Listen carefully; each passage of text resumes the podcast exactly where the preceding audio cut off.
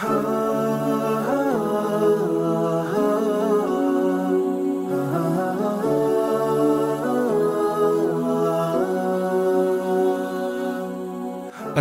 alaikum och välkommen till Koranpodden.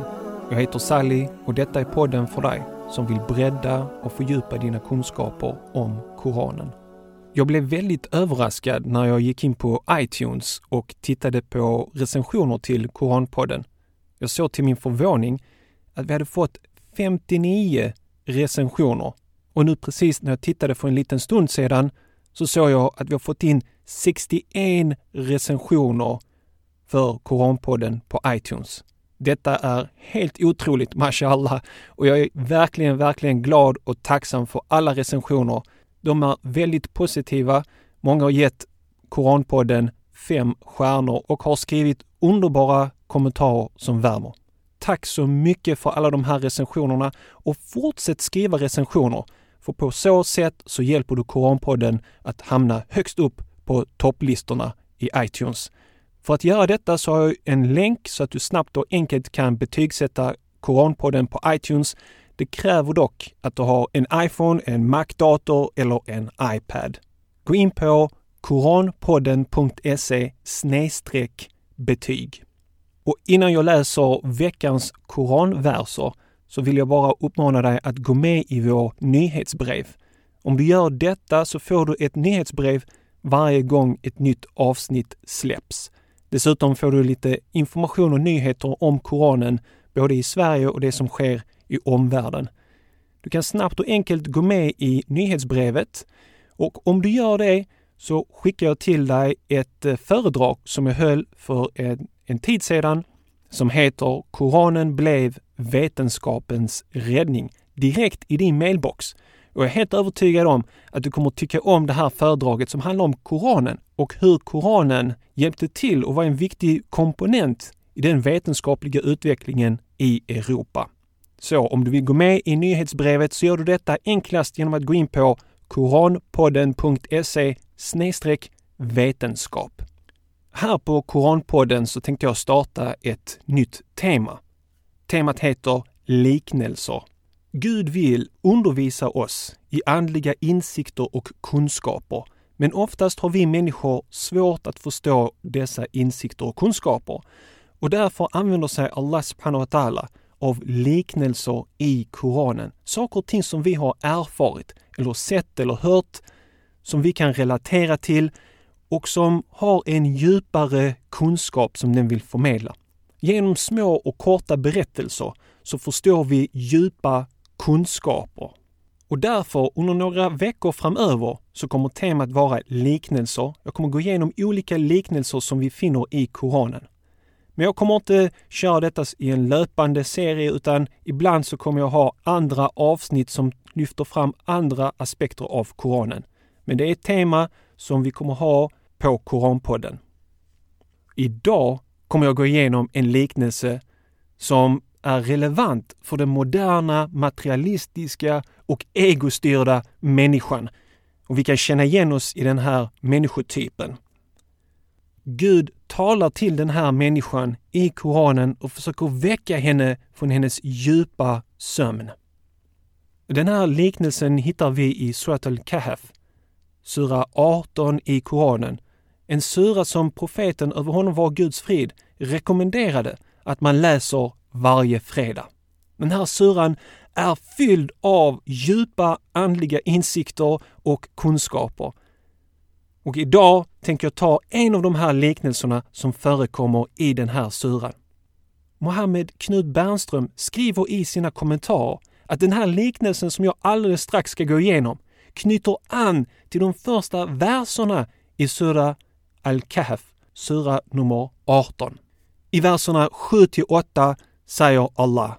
إنا جعلنا ما على الأرض زينة لها لنبلوهم أيهم أحسن عملا وإنا لجاعلون ما عليها صعيدا جرزا Vi har smyckat jorden med sköna ting för att sätta människorna på prov och för att de med sitt handlande ska visa vilka som är det bästa ibland dem. Men till sist ska vi förvandla allt detta till öde slätter. Dessa två verser handlar om att Allah subhanahu wa har skapat jorden vacker och skön och lagt oss människor här för att se vilka av oss som handlar bäst.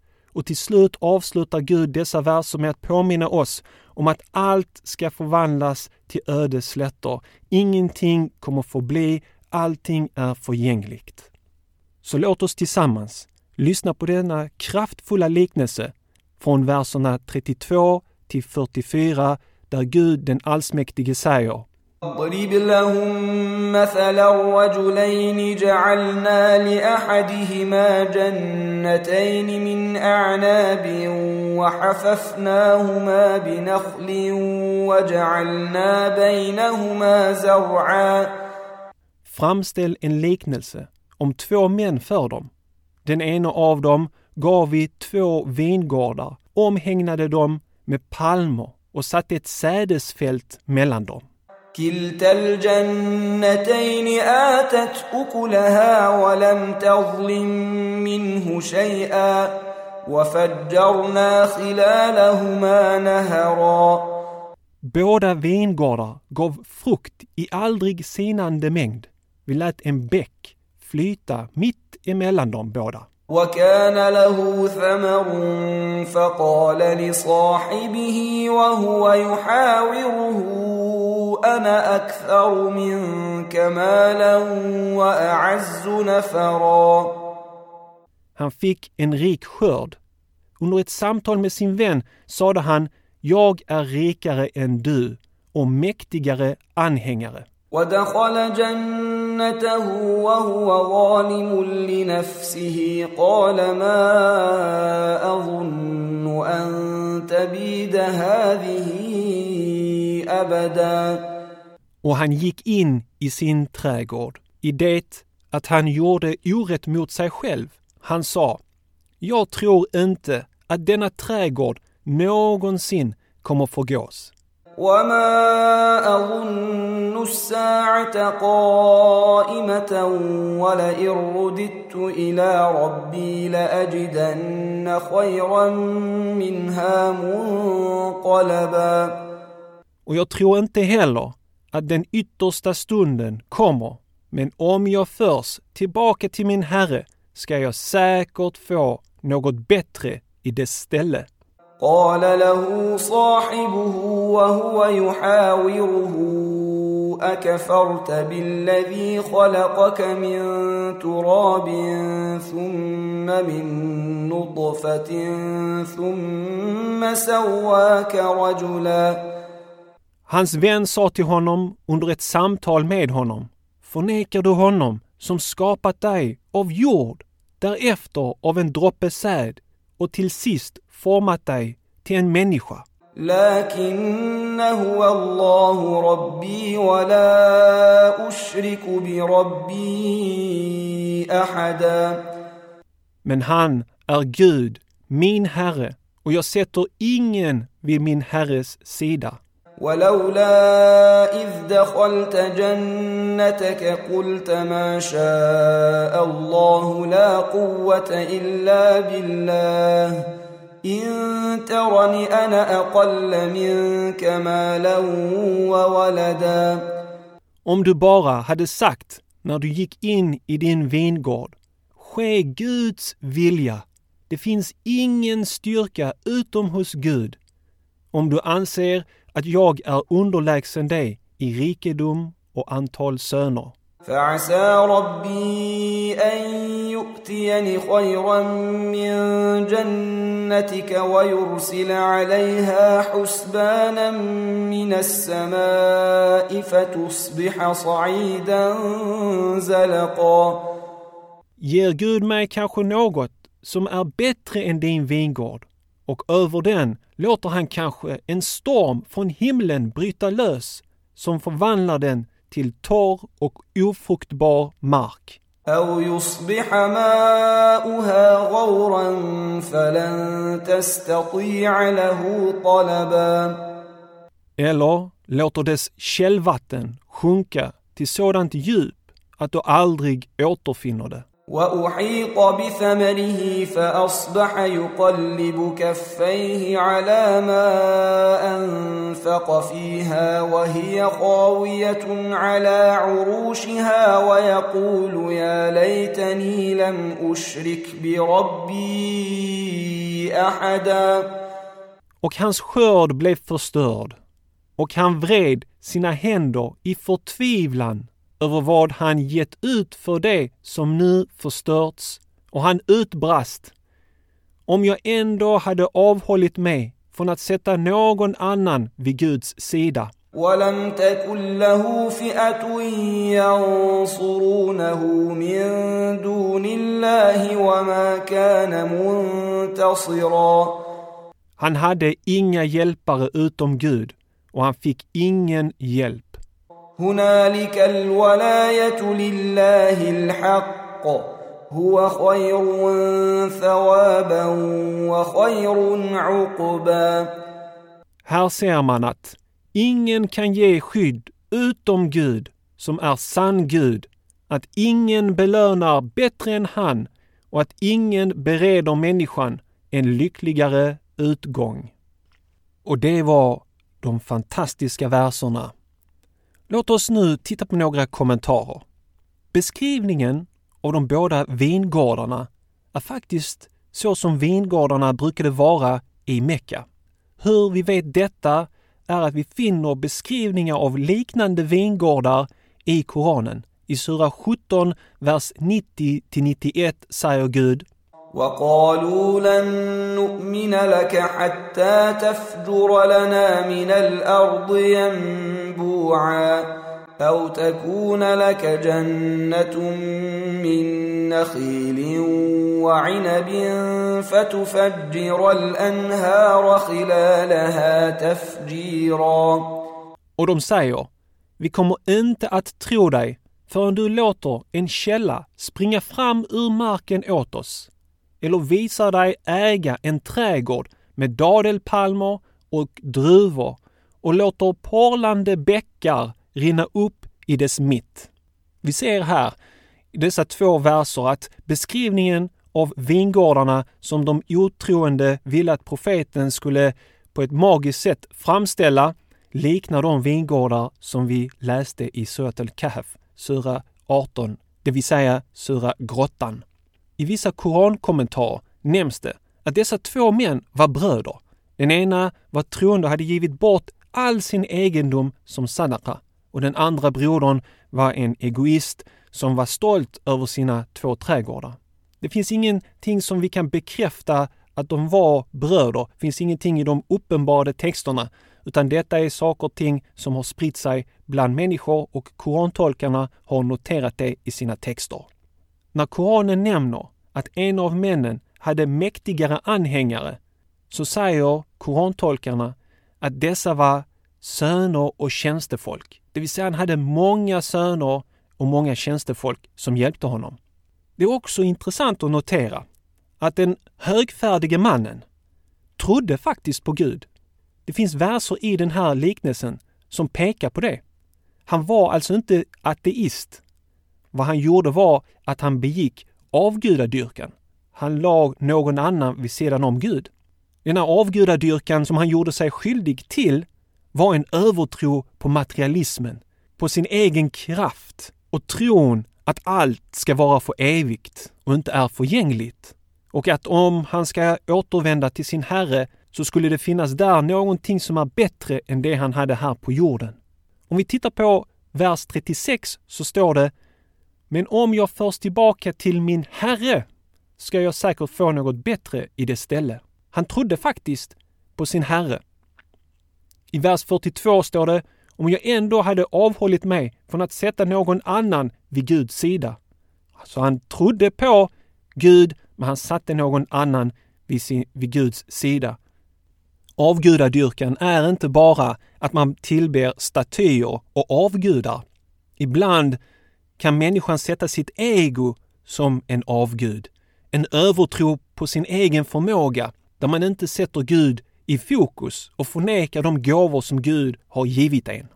Denna högfärd och högmod kan vi hitta i en annan karaktär i Koranen, Han heter Qarun, eller Kora, som han heter och finns omnämnd i Bibeln.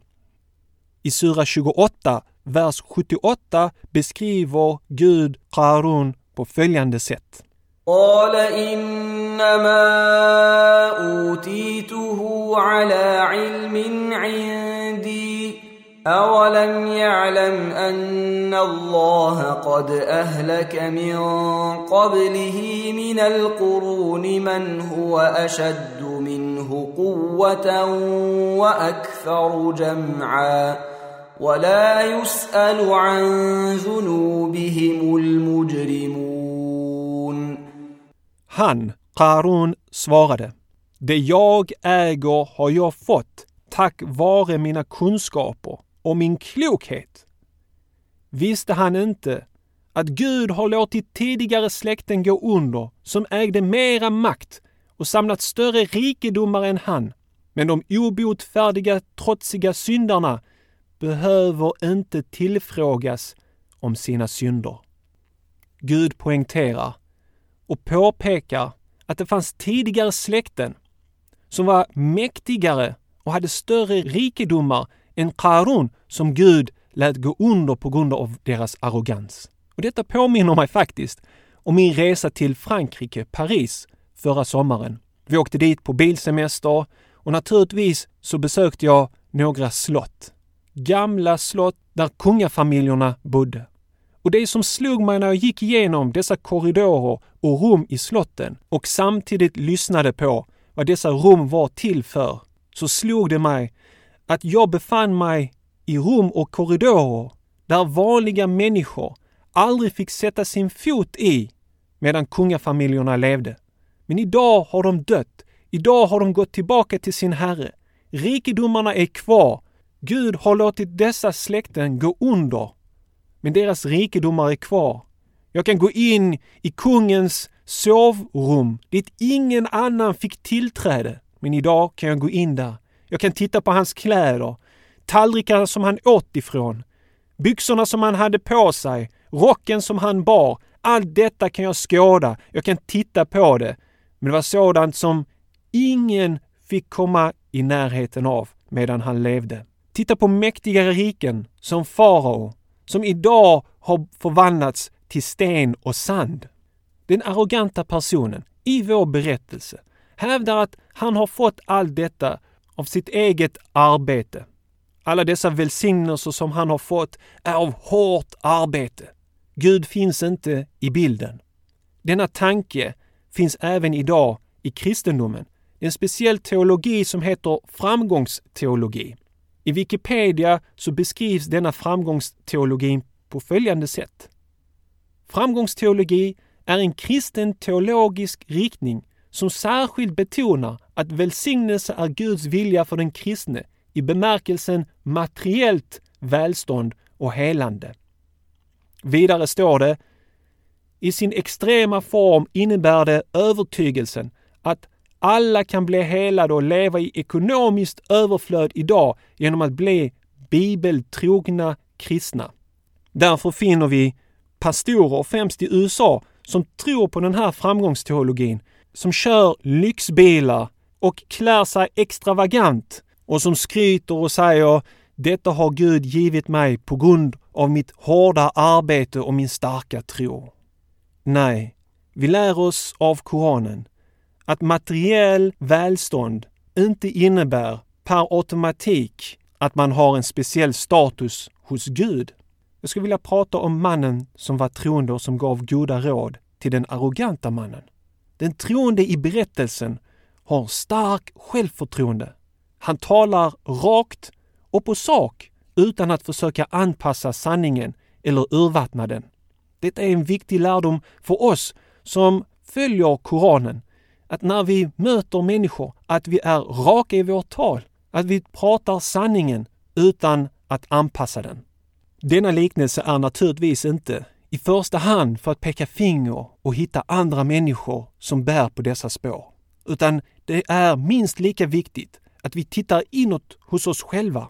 I oss så har vi dessa två personer, den arrogante och den ödmjuke.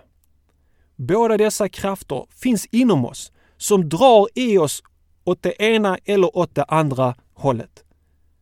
Koranversen lär oss att vi ska hålla fast vid den ödmjuke. Hur mycket tacksamhet visar du Gud för alla de gåvor som han har gett och ger dig varje dag? Om någon prisar dig och tackar dig för någonting, tar du åt dig äran eller säger du att allt det goda kommer från Gud? Så låt oss summera denna liknelse i att när vi ser alla Guds gåvor, att vi ger ära och prisar Gud och aldrig sätter oss själva i centrum.